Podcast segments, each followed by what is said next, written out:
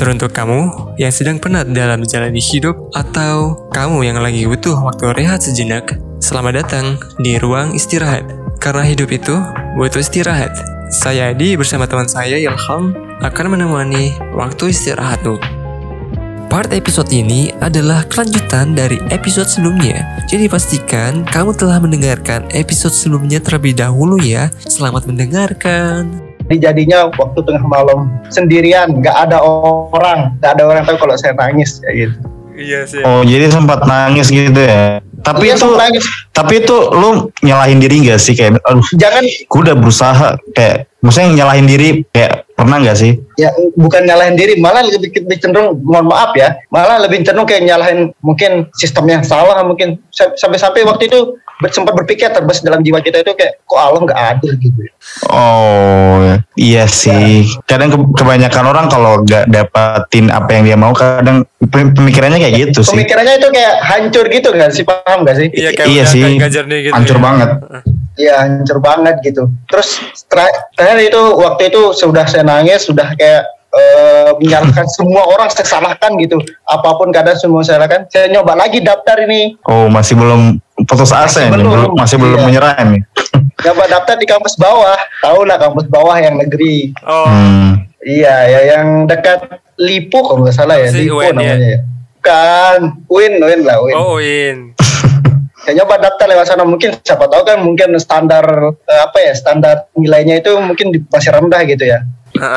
Passing grade-nya gitu ya. Dan iya masih grade-nya kita bahasa kita katakan masih rendah gitu. Tapi pas saya coba lagi gagal lagi. Mungkin karena gelombang akhir tau gak sih emang sulit. Tapi bagus gak sih kalau misalnya kan katanya nih kalau kalau kita jatuh tujuh kali kita harus bangun delapan kali. Kan kayaknya bagus sih semakin banyak gagal kayaknya bagus juga sih. Karena katanya juga kan kalau semak eh, kalau kita masih muda lebih banyak aja. habisin jatah gagal kita gitu kan. Entah entah itu kita suksesnya kapan tapi ya seenggaknya kita udah mencoba itu kita nggak menyesal sih atas apa yang udah kita coba. Kayak kayak gitu sih sebenarnya tapi bagus juga yang penting yang penting mau mencoba aja gitu entah gagal atau enggak ya seenggaknya kita mencoba aja gitu Coba. Tapi mungkin setelah saya gagal di Win itu mungkin eh, nggak terlalu sesedih apa yang saya rasakan sebelum sebelumnya kayak udah ya udah sih udah menerima keadaan udah pasrah gitu. Oh udah merasakan Mungkin yang, yang bukan rezeki, sakit gitu. ya. gitu. Jadi enggak. Ya mungkin pas ketolak itu mungkin udah bukan rezeki kita kayak udah menerima keadaan gitu. Diterima nggak diterima ya wes bukan rezeki kita. Berarti bukan eh, eh, apa namanya kayak Allah sudah itu kayak udah ngatur oh bu- bukan jurusan jurusan walaupun menurut kita baik belum tentu menurut, menurut orang lain bagus gitu kan apalagi. Berarti hikmahnya adalah lu bisa lebih menerima keadaan aja gitu Iya. dari segala ke- kegagalan yang lu alami gitu.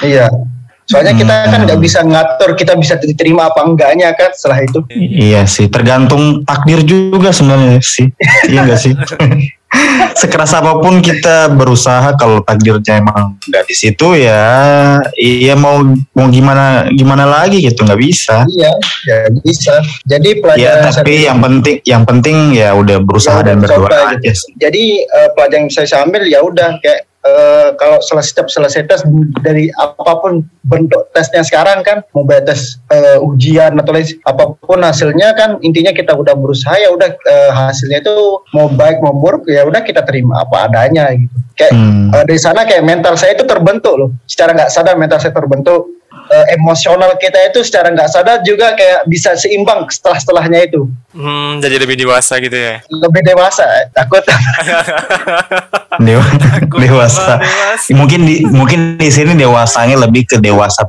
pikiran dan Pemikiran, emosi. iya, ya, pemikiran pikiran dan emosi gitu kan. Ya, jadi kepikiran itu bisa bisa kita kendalikan gitu. Jadinya kayak eh ter, udah terbentuk lah mental-mental yang kuat gitu setelah eh, dilakukan penolakan berulang kali ya sekian kali.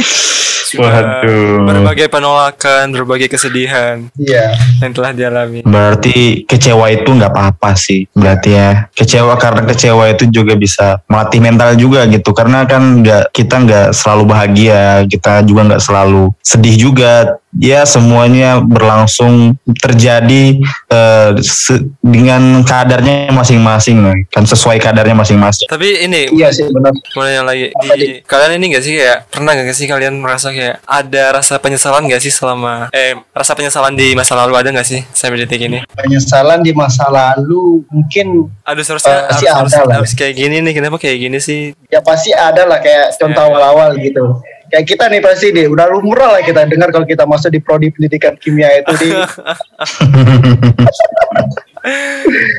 udah lumrah banyak kalau tem- teman-teman kita nyesel saya masuk kimia pendidikan kimia apa ini. oh lebih ke nyesel masuk jurusan Nah, ini contohnya contoh kecilnya lah kasarnya ini kan. Iya sih. Eh, mungkin awal-awal nggak nyesel di tapi pas di pertengahan semester itu kayak kayaknya gue salah kayaknya gue Salah jurusan Gila ini belajar apaan nih? Kimia-kimia semua. apalagi Ya. sebenarnya yang, yang kasihan adalah yang otaknya nggak nyampe itu yang aduh gimana sih gue udah terlanjur masuk sini dan mungkin dia merasa kayak ya masuknya mungkin gampang keluarnya ini yang susah gitu Nah iya banyak yang tersesat setelah be- setelah kayak udah nyelom tapi nggak balik-balik ke permukaan. ya itu dia Udah diving sampai dalam eh sulit. eh ternyata nggak bisa berenang gitu ya. Udah lu mampus di dalam air. Kalau lu Ham ada gak sih hal yang lu nyesalin gitu? eh kalau gua ya hmm, gua gua nggak lagi belum mikir sih sebenarnya. Karena mungkin banyak tapi lupa mungkin. Hmm, kayak digali lagi nih apa-apa ya. Karena sebenarnya gue tuh kalau hal-hal yang buruk sebenarnya kayak kegagalan itu gue ya udahlah gue kayak gak mau ingetin saya kayak gitu. Hmm, jadi karena mungkin ke bawah jadi gue agak lupa sih sebenarnya. Iya karena ya kalau menurut gue kalau gagal ya udah sih kayak ya udah gitu gue ya. ya kayak gue nggak mau inget-inget lagi gitu. Kalau misalnya kita ingat lagi kayak wah kayak ke- keulang lagi kan kayak keadaan yang gak enak itu kayak kita ingat lagi aduh susah sih. Wah. tapi kalau lu kayaknya banyak sih kayaknya gue lihat karena karena kayak kayak kalau misalnya yang, yang gue lihat kayaknya pengalaman lu tuh entah pengalaman apa pun Ah. itu kayaknya pengalaman lu itu banyak kayaknya Lumayan lah ya. Ya lumayan lah. Entah sih apa tuh yang yang contohnya yang Lu, lu di awal-awal nih di apa apa awal-awal apa? awal-awal kuliah lo kayak aplikasinya editing, tib- HP tiba-tiba nge-frame, laptop tiba-tiba render. Bener loh. Itu bukan lebih penyesalan sih, itu lebih kayak stres sih, kayak pengen. Iya. ya apa ya? Kayak kayaknya nggak ada sih. Semua hal yang telah aku jalani aku nggak punya sesal sesali. Mantap. hmm, jadi iya berjalan aja gitu kan Let it flow ini. karena apa ya ses- sesuatu apa ya kehidupan itu berjalan sesuai dengan kadarnya masing-masing ya kalau misalnya kita lagi apes ya apes kalau kita lagi dapetin hal yang baik ya baik gitu tapi ya nggak seterusnya kita ngerasain satu satu rasa aja gitu karena gue pernah dengar dunia itu adalah alam rasa jadi kayak dunia ini tempat kita merasakan berbagai macam rasa gitu kayak Hmm, entah rasa rasa senang, sedih, kecewa dan sebagainya itu patut kita rasakan juga karena kalau misalnya kita cuma satu rasa kayak hambar aja gitu. Aduh, ini kayak cuma misalnya ya kita cuma rasa rasain rasa rasa manis gitu. Kayak waduh, kayak manis-manis terus kan nggak baik gitu. Kita bisa mungkin diabetes mungkin. Karena sesuatu yang yang berlebihan. dan Itu tidak baik. terus ya, terus kita coba itu terus nggak baik sih sebenarnya. Jadi ya kita harus mencoba berbagai macam hal supaya kita bisa dapetin banyak pengalaman. Dan dari pengalaman itu hmm, bisa membentuk mental dan dan segala hal dari dalam diri kita sendiri sih sebenarnya Yuk. Iya gitu loh. Jadi- kalau nggak gimana kalau nggak menang ya belajar gitu, bukan kalah, tapi belajar. Iya sih Dan kalau misalnya aja kita di lomba aja sih kayak gitu dan gimana rasakan- gimana gimana gimana rasakan pahitnya kalau misalnya kita nggak ngerasain pahit dalam kehidupan gitu kita nggak growth growth Gini di eh, takutnya ya orang-orang yang nggak pernah ngerasain orang-orang yang hidupnya kayak eh, dari awal sampai itu kayak bisa katakan ya semua. eh, data sem- eh, ini ya semut nggak ada halangan atau apa pun. Tapi mungkin ya bisa kita katakan suatu saat ketika dia eh, keluar dari bisa katakan ya dari zona nyamannya itu dia bahagia. Heeh. tapi pas dia keluar dari zona nyamannya itu belum tentu dia bisa survive dengan keadaan. Hmm Iya sih. Oh gimana gimana? Berarti di dalam zona nyaman itu dia bahagia, tapi ketika bahagia dia, dia terus keluar, gitu. dia belum tentu bisa survive gitu ya. Iya, belum tentu bisa survive dengan menerima keadaan apa pun. Soalnya kan kalau kita udah keluar dari zona nyaman kita itu kayak banyak banget seperti yang dijelaskan tadi banyak banget rasa-rasa yang ada di muka bumi ini. Ah iya iya. Jadi mungkin dia belum siap merasakan Belum siap. rasa yang Kalau- lain gitu. Iya, kalau emang Rasa yang lain dari yang gitu. iya sih dari rasa yang dia udah rasa nih. Dia udah rasa nikmat nih. Terus dia ngerasain hal yang lain yang sebenarnya mungkin juga nikmat untuk orang lain tapi gak nikmat karena dia baru per- rasain satu kali gitu. gitu. Iya pertama kali gitu. Iya. Jadi ya supaya lebih balance kita harus lebih banyak merasa aja, merasa ada rasanya gitu aja sih sebenarnya. Iya. ah. mencicipi semua rasa. Iya yang ada. mencicipi semua rasa. Waduh. iya sih, tapi kayak apa ya orang yang belum merasain itu sih kayak bila di dalam zona nyaman terus mereka kayak eh cepat atau lambat pasti akan keluar juga sih. Iya enggak? Iya sih. Akan- Entah akan itu ter- dipaksakan kan, Dip- dipaksakan atau terpaksa gitu kan. Terpaksa untuk Oleh keadaan mungkin. Kayak gini, Di, eh, kalau kita kembali lagi ke topik kita yang tentang stoik gitu ya. Eh, kalau kita ketahui tadi apa yang ada di luar kendali mereka dan apa yang bisa mereka kendalikan. Nah, contohnya nih jika eh, ini ya kita kembali ke tema gitu ya. Iya. Misalnya contohnya kita seorang pelajar. Cara kita dalam belajar ada dalam eh, kendali kita kan, Di. Nah, untuk masalah nilai kan belum tentu kita bisa ngatur. Iya. s- Iya sih. Sama masalah soal yang keluar. Iya, soalnya itu kan bukan urusan kita kan, otomatis itu urusan pihak kampus. Heeh. Nah, contohnya ke contoh lainnya kayak gini. Kalau orang berobat ke dokter, belum tentu kan dokter bisa mengobati secara langsung gitu kan? Tapi ekspektasinya pasien bisa Es, iya. bisa sembuh. Tapi takut, tan- iya. Tapi nanti takut sembuhnya itu kan belum tentu di bawah kendali kita kan? Mm-mm. Nah, Nah, kayak gitu. Kalau kita kembali lagi, soalnya kayak gini, eh, saya pernah dengar istilah fokus on thing you can control, eh, karena menurut saya itu ya, eh, apa pun yang pertama kita harus eh, kita lakukan itu jika ingin menjalani hidup sebagai seorang stoik. Kayak gini, eh, salah satu tokoh dari eh, stoikisme, Marcus Aurelius, you have power over your mind, not outside you even realize it and you will find power. Maksudnya kayak gini, orang-orang eh, kita itu punya power dalam pikiran kita, tapi kita tidak bisa eh, mengendalikan atau me- mengendalikan eh, lingkungan di lingkungan kita, di samping kita kayak men- mengendalikan orang lain atau mengendalikan lingkungan kita. Secara tidak sadar nanti kita akan menemukan kekuatan-kekuatan yang lain kayak gitu. Hmm, iya iya bener sih. Nah, gimana Ham? Kayaknya cukup menarik juga sih sebenarnya. Biarpun kayaknya gue sih gue merasa kayak memang perasaannya berat sih. Mungkin untuk pendengar-pendengar yang lain juga mungkin, Mungkin kalau misalnya merasa- asing gitu ya. Eh, iya, Iya asik. sih, Apa sih karena- kar- gitu kan ya?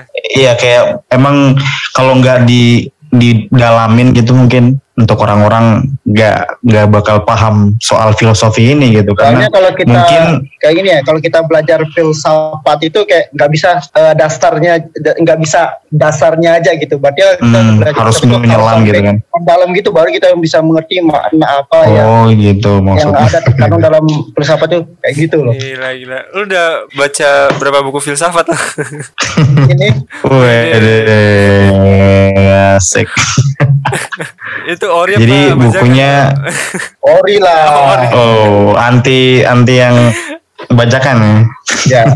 Eh, jadi gimana nih? Kalau dari Habib sendiri ada yang mau di ini nggak? Apa kayak tanyaan atau Kesimpulan dari ya Oh ya, kalau menurut pesan-pesan ya untuk orang-orang yang lagi di umur kita ya umur-umur 20-an ke atas gitu. nggak apa-apa kita jalani aja hidup ini eh, dalam kondisi apa pun lu bisa eh, apa namanya? lu bisa bertahan pasti so, gue yakin sih kalau kita nga- menganut ajaran ini pasti lu bisa menerima dan bisa berdamai dengan kondisi apa pun di mana lu hidup. Baik lu hidup Hmm. di daerah rantauan, baik lu hidup di rumah lu sendiri kayak gitu secara nggak sadar eh, otomatis nanti kalau kita hidup di untuk teman-teman yang sedang sedang merantau ini sangat cocok untuk menerapkan filosofi stois ini karena bisa menye- eh, membuat mental kita menjadi kuat eh, dan apa namanya dan eh, dari fil- dari filosofi ini kita juga bisa mengambilkan bagaimana cara mengajarkan kita bagaimana cara untuk mengatur emosi, eh, mengatur pikiran dan semua pokoknya dalam hal itu otoma- eh, kayak kita bisa menerima apa pun yang ada.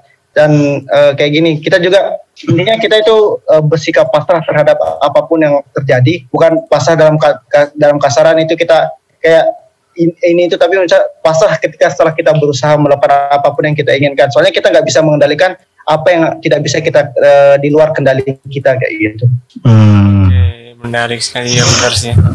Berarti lebih ke ikhlas aja sih. Yang penting kita udah memaksimalkan apa yang bisa kita lakuin dan setelahnya ya kita cuma bisa berpasrah aja gitu. Ikhlas atas segala apa yang udah terjadi ya udah gitu. Jadi hidup harus terus berjalan kan. Entah itu mau baik atau buruk, nggak selamanya kita ada di tempat yang baik dan nggak selamanya kita berada di tempat yang buruk gitu. Jadi ya semuanya butuh balance dan semuanya butuh kita rasakan juga gitu. Supaya juga membentuk diri kita, mental kita dan juga mungkin pengalaman yang juga lebih banyak juga sih. Nggak cuma satu pengalaman aja, nggak cuma satu rasa aja. soalnya tujuan utama stoikisme ini kan eh, untuk mencapai ke- ketentraman hidup atau dengan kalau kita bahasa Latin itu antaraksia di mana di eh, stoikisme ini untuk mencapai ketentraman hidup ini ajaran ini mengajarkan kita untuk melatihan latihan dasar mengenai pembedaan atas apa yang tergantung kepada kita dan ata, dan apa yang tidak tergantung dengan kita dengan rasionalnya kayak gini nih manusia diharapkan bisa bersifat teliti dalam membedakan mana yang memang merupakan kenyataan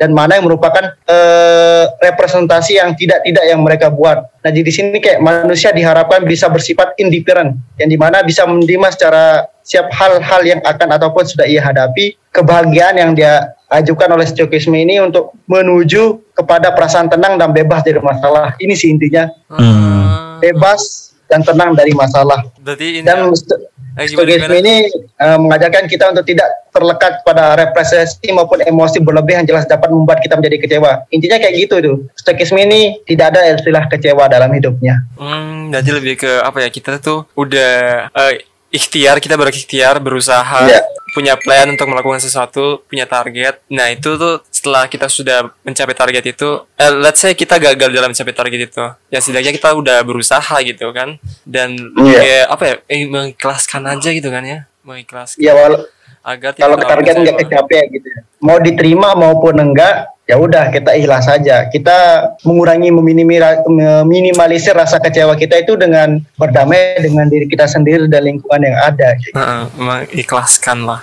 Menerima. Soalnya ikhlas itu berat, boy. Iya sih. Iya katanya ikhlas tuh level tertinggi. Ringan di mulut. Level tertinggi. Ringan di Iya, mulut. Relationship. Ringan di mulut, sulit untuk dikerjain gitu. Iya. Soalnya kalau udah ikhlas itu kayak semua apa pun yang kita inginkan itu walaupun tercapai dan tidak tercapai itu ya udah iya dan tenang banget hidup kita kayak gitu kalau kita udah bisa menerapkan prinsip ini sih. Kalau orang bisa bisa ikhlas gitu. Ah, benar benar. Jadi kalau kesimpulan yang gue dapetin berarti secara garis besarnya eh, filosofi ini mengajarkan kita untuk ikhlas atas segala apa yang terjadi di dalam hidup kita entah itu baik atau buruk. Iya, udah kita harus ikhlas. Iya. Tapi tapi sebelum Oke, sebelum jadi- ikhlas- tapi sebelum ikhlas kita tuh harus ini berikhtiar dulu, berikhtiar berusaha semaksimal mungkin gitu. Hmm. Iyalah. Jangan hanya pasrah gitu. Harus buat target lah gitu sih. Mantap banget gila. Gila mantap. Jadi gimana nih? Lu ada yang masih mau disampaikan nggak, Beb? Eh, terakhir nih ya. Oh iya iya benar-benar. Kalau ada yang mau disampaikan, Iya. Eh, sebagai orang mungkin banyak orang yang kalau kita katakan orang-orang yang menganut stoikisme ini orang yang easy going, cuek terhadap keadaan orang sekitar. Soalnya orang-orang stoik ini tidak akan pernah melakukan adu mulut, buang waktu untuk adu mulut dengan orang untuk berargumen dengan orang lain. Nah, ia akan menunjuk soalnya eh, orang stoikisme ini em, tidak mau terlalu berargumen yang banyak dan dia akan melakukan dengan tindakan act more atau tindakan yang lebih banyak gitu. Jadinya kayak orang katakan ya apa ya let's talk do more ya Heeh, kurang Oh. bicara beraksi yang banyak. kurangi bicara banyak banyak eh, banyak melakukan kayak gitu. Inilah salah satu prinsip yang dia di se- secara kalau kita bahasakan secara gaul ya inilah prinsip ajaran stoa gini. Yes, yes. Apalagi eh, sangat oke juga sih buat Islam gitu kan ya. Kayak kita tuh diberitakan untuk apa ya, mengikhlaskan sama berikhtiar gitu kan ya. Iya. ya berbanding lurus aja sih ajaran ini dengan ajaran Islam jadi nggak bertentangan juga gitu. Ya tidak bertentangan. Soalnya kalau kita mengikuti tre- eh, kemauan orang lain itu nggak akan ada habisnya, bro. Iya sih benar sih. Kita karena ya kita nggak bisa nyenengin semua orang kan. Ya. Ah, ah, ah, bener-bener. Tapi kalau dipikir-pikir tuh ya, kalau kalau semua orang eh, terapin stoik ini ke dalam kehidupannya, berarti semua orang bisa bahagia. Ya semua orang pasti bisa bahagia deh, tapi kan belum tentu orang itu bisa menerima ajaran ini. Oh, baik. Iya sih, tergantung juga. Apakah orang ini orang lain orang-orang lain bisa menerima enggak ajaran ini? Apakah orang bisa menerapkan apa enggak? Soalnya kata ter- eh, eh, stoa ini kayak berujung dari kata terakhir yaitu ikhlas. Bisa enggak orang-orang ikhlas dalam menerima apa pun keadaan? Iya sih, tergantung keadaan dan mungkin dari emosinya juga gitu. Kadang kalau dia nggak bisa ngontrol emosinya, susah juga sih Iya. untuk ikhlas. Soalnya ikhlas itu berat kembali lagi ya. Ya itu dia. Balik lagi ke persona masing-masing gitu ya untuk terapinnya. Iya. Soalnya kan belum tentu orang punya emosional yang sama dengan dengan manusia yang lain dengan manusia. Iya benar. Emosi setiap orang berbeda-beda. Tergantung pengalaman juga sih. Kalau misalnya pengalaman yang yang mungkin lebih banyak buruk dengan baiknya, mungkin ya bisa lebih balance sih. Iya, tapi, Bisa lebih nerima gitu. Ketimbang orang yang pengalamannya dikit gitu. tapi emang kalau ditanya ajaran stoa ini ada nggak di zaman sekarang? Walaupun udah lama kubur ya kita katakan lama muncul, tapi kalau bisa kita katakan ada, tapi walaupun itu memang kita nggak sadar secara nggak sadar gitu. Ada yang menerapkannya. Yes, bener. Padahal ini gimana ya? Bagus banget gitu. Udah ajaran ibaratnya dari zaman Yunani kuno sampai sekarang masih reliable gitu. Ya reliable dengan kita apalagi orang zaman sekarang itu reliable banget dengan stoa ini. Kayaknya nih ajaran ini kayaknya recommended sih menurut gue ya. recommended untuk orang-orang yang suka overthink sih. Mhm. Iya sih, apalagi orang-orang yang susah menerima keadaannya. Ya, Iya cocok sih. Oke, recommended guys terapin stoik. Jadi kalau misalnya em- emang ada teman-teman yang mau menganut filosofi ini, yang penting paham filosofi mungkin ya. Kalau memang nggak mengerti ya, mungkin pelajari aja dulu. Mungkin kalau macam misalnya kalau sebagian orang nggak tahu, mungkin kalau belajar, mungkin kalau mendalami, mungkin kalau misalnya jadi tahu, jadi tertarik juga untuk filosofi ini sih sebenarnya. Karena mungkin eh, filosofi ini bagi sebagian orang kayaknya masih kayak jarang Asing. kedengeran di telinga Mungkin- gitu. Iya masih asing. Mungkin kalau orang-orang yang jurusan di filsafat itu mungkin gak asing ya, tapi bagi orang-orang yang Sebagian awam, besar gitu kan. Ya, sebagian kita itu awam, tetap eh, sangat asing di, apalagi kata-kata gini tuh asing banget di pendengaran kita gitu. Tapi secara nggak sadar sih kalau kita kasarkan secara nggak sadar pasti semua orang pernah menerapkan secara nggak sadar karena emang eh, secara harfiahnya ini kan untuk mencari kedamaian sendiri. Gitu. Hmm, yes. Soalnya asing banget. Berarti Awal banget awalnya kayak stoik. Stoik apa sih? Kimia ya. Stoikiometri. berarti salah satu tujuannya adalah untuk eh, mencapai ketenangan juga kan. Iya ketenangan diri. Ketenangan jiwa, ketenangan Iya. hati mungkin supaya nggak jadi overthinking juga gitu kan. Oke, mungkin buat teman-teman yang pengen terapinya itu ya mungkin di sini kurang jelas. Mungkin kalian bisa searching sendiri, googling sendiri di YouTube udah banyak semuanya. Di Iya jangan malas. artikel. kalian bisa baca-baca. Iya karena apa ya emang kalau dari kita masyarakat Indonesia termasuk gua ya mungkin malas membaca gitu jadi mending kalau misalnya supaya kita lebih tahu ya jangan malas itu gue juga ya gue bilang gue diri gue juga gitu Kalau- karena gue misalnya- juga Kalau misalnya podcast ini masih kurang jelas, mungkin kalian bisa Iya apa yang mau ditanyain mungkin bisa tulis di kolom komentar di bawah. Yes. Mantap. Tapi kalau misalnya malas baca juga kan di YouTube udah banyak tuh yang membahasnya ya. Jadi ya Bukalah. lu ya bukalah dan manfaatkan kuping juga gitu kan, manfaatkan de- eh, pendengaran kita juga. Jangan cuma sekedar dengerin K-pop doang atau atau mungkin hmm, kan mungkin kebanyakannya K-pop sih ya. Jangan sebut tapi merek nanti diserang. Oh, ntar kita di Serang- hujat nanti. apa sih namanya? Oh enggak enggak, ntar nanti yang Oh itu kita jangan sebut merek di Ntar di tweet. Enggak, enggak, enggak, enggak, enggak, enggak. Itu kita potong. Jadi daripada kebanyakan dengerin musik ya, entah itu musik apa pun termasuk iya, termasuk K-pop juga. Oh, daripada dengerin kayak sama aja sih mending dengerin podcast ini sih. Hmm, karena kita mencoba untuk memberikan menyajikan konten yang sebisa mungkin bermanfaat sih. Mesti ada value-nya gitu. Ada sambil mungkin eh, menemanin tidur lu ya. Sebelum tidur ini kan kayak podcast sebelum tidur aja sih. Jadi sebelum sambil- tidur atau mungkin sambil kerjain tugas atau mungkin sambil kerjain skripsi sambil kerjain laporan ya biar bisa masuk di otak lu aja gitu. Masuk ke sendi-sendi ke sel-sel tubuh gitu kan. Jadi lu jadi ingat dan sadar juga.